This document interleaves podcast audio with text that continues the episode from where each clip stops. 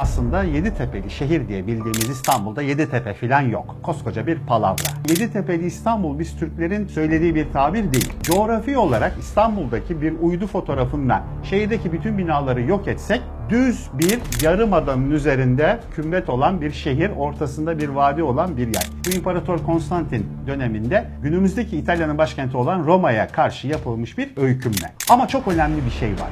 Şu an Ayasofya'nın bulunduğu yerde hep bir tapınak var. Bir kült var ve o kült hep orada tapınmış. Dünyada 7 büyük enerji alanı olduğundan bahsediliyor. Bir tanesi Ayasofya'da,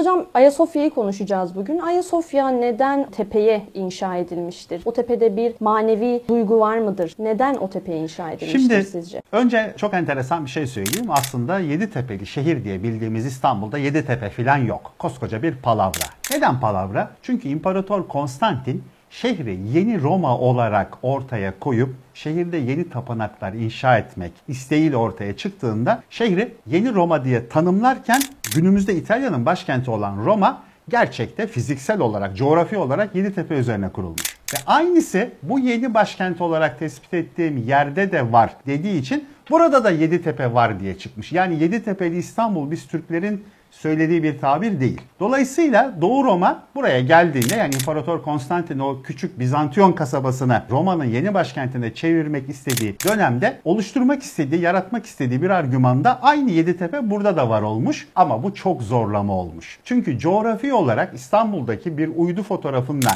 şehirdeki bütün binaları yok etsek ortada düz bir yarım adanın üzerinde şu şekilde bir kümbet olan bir şehir, ortasında bir vadi olan bir yer.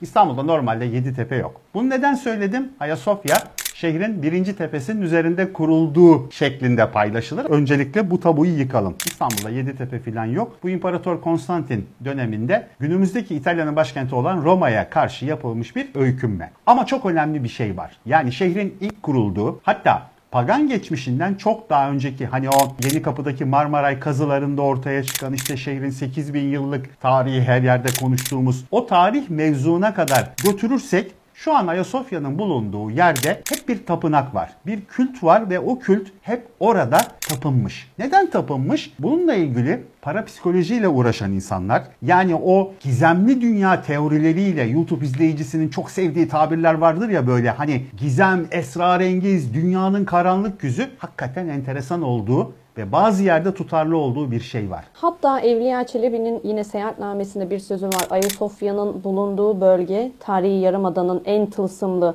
bölgesi diye de ilan ediyor. Kesinlikle çünkü dünyada 7 büyük enerji alanı olduğundan bahsediliyor. Hatta işte örnek vermek gerekirse bunların bir tanesi Kabe'nin olduğu yer, bir tanesi Medine'de, bir tanesi Kudüs'te, bir tanesi Endülüs'te, bir tanesi Ayasofya'da, işte bir tanesi Maya Tapınağı, işte bir tanesi Kamboçya'daki Angkor Wat gibi. Bunlar enerji alanları. Dünyanın altındaki o gizemli enerjiyi ortaya çıkaran yerler olarak kabul ediliyor ve çok enteresan İstanbul gibi çok eski kadim şehirlerde hep tapınaklar bu enerji alanlarının üzerine yapılmış. Dolayısıyla Ayasofya'nın bulunduğu yerde de eski zamanlardan beri farklı kültlerin, etnik grupların tapınakları olmuş. Yeditepe'nin birinci tepesi olarak bildiğimiz bu noktada ilk etaptaki Artemis Tapınağı'ndan sonra Roma İmparatorluğu 4. yüzyılın başında Hristiyanlığa resmen geçtikten sonra ne oluyor? Hop pagan tapınağı ortadan kalkıyor. Yerine Hristiyanlığın tapınağı yani Hristiyanlığın ilk kilisesi yapılıyor. Evet. Ama günümüzde gördüğümüz Ayasofya Ayasofyaların birincisi değil.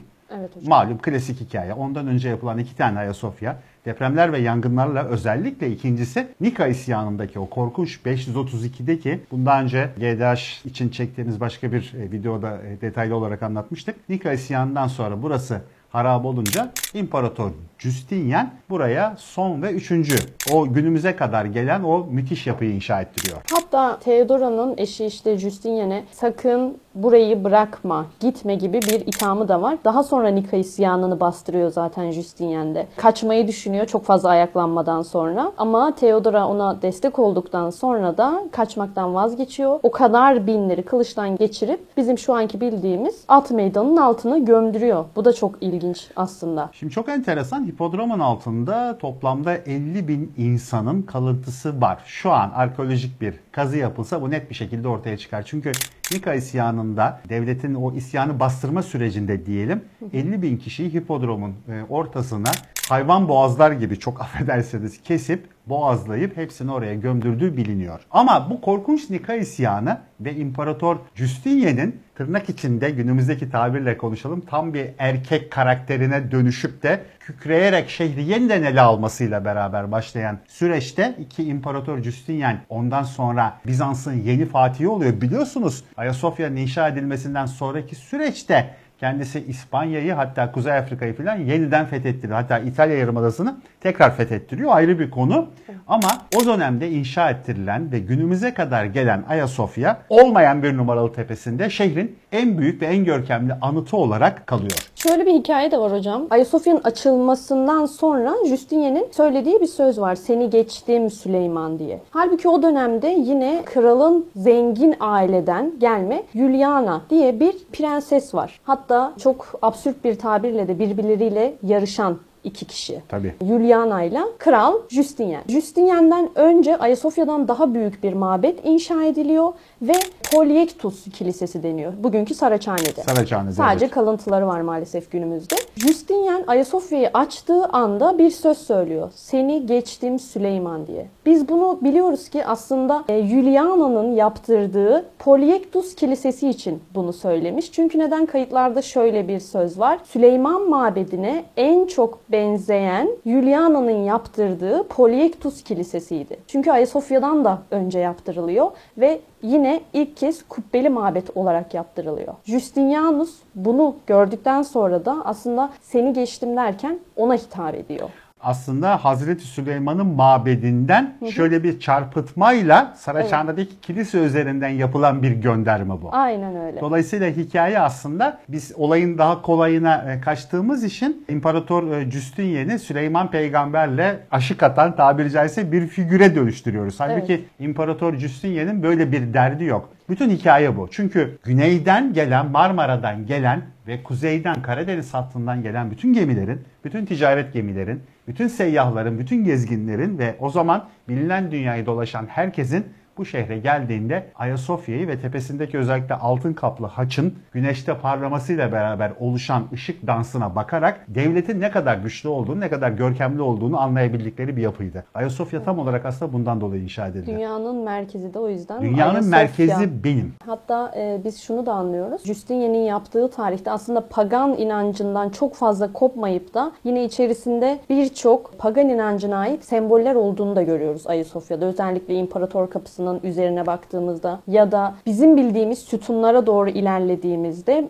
e, Poseidon'un yabasının sembolleri, şekilleri. Yani aslında evet Hristiyanlığı kabul ediyoruz. Biz e, tek tanrılı inancı inanıyoruz diyorlar. Ama pagan inancından da çok fazla kopmayıp yine sembollerini Ayasofya'yı koruması için de kullanıyorlar. Şimdi aslında tek tanrılı din olarak gelen ama daha sonra teslisle beraber farklı anlamlara giden Hristiyanlık özellikle Katolikliğin ayrılmasıyla beraber başlayan süreçte günümüzdeki Katolikliğin neredeyse bağımsız bir pagan dininin Hristiyanlığa update edilmiş haline dönüşmesi konusu vardır ama o zaman böyle bir ayrım yok. Roma İmparatorluğu ayrışmadan önce 4. yüzyılda Hristiyanlığa geçtiğinde tam olarak Hristiyanlığı halkına tırnak içinde konuşuyorum kolay kolay yediremedi. Ne yaptı? Bunu paganlıkla update etti. Çok basit bilinen bir örnek. Noel hangi tarihte kutlanıyor? 24 Aralık'ı 25 Aralık'a bağlayan gece. Ve ne deniyor? Hazreti İsa bu tarihte doğdu. Peki Hazreti İsa o tarihte mi doğdu? Hayır. Hazreti İsa'nın hangi tarihte doğduğu belli değil. Ama bu tarih ne? Bu tarih paganlar için muazzam bir bayram. Ve o bayramı gel kardeşim sen benimle beraber Hristiyan ol bak senin bayramının aynısı bende de var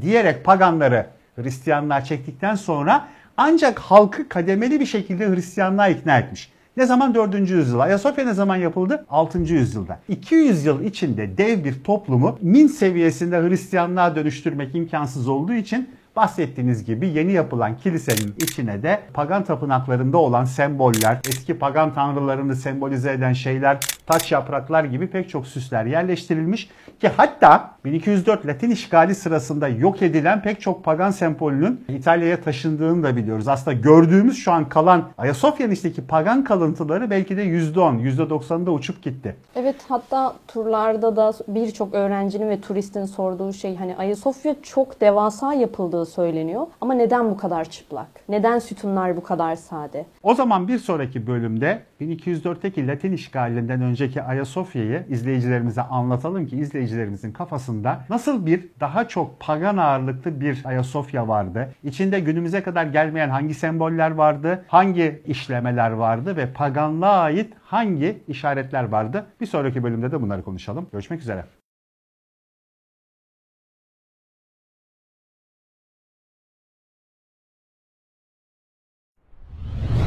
Burası gds.dijital. Takip edin, gündeme dair her şeyden haberiniz olsun.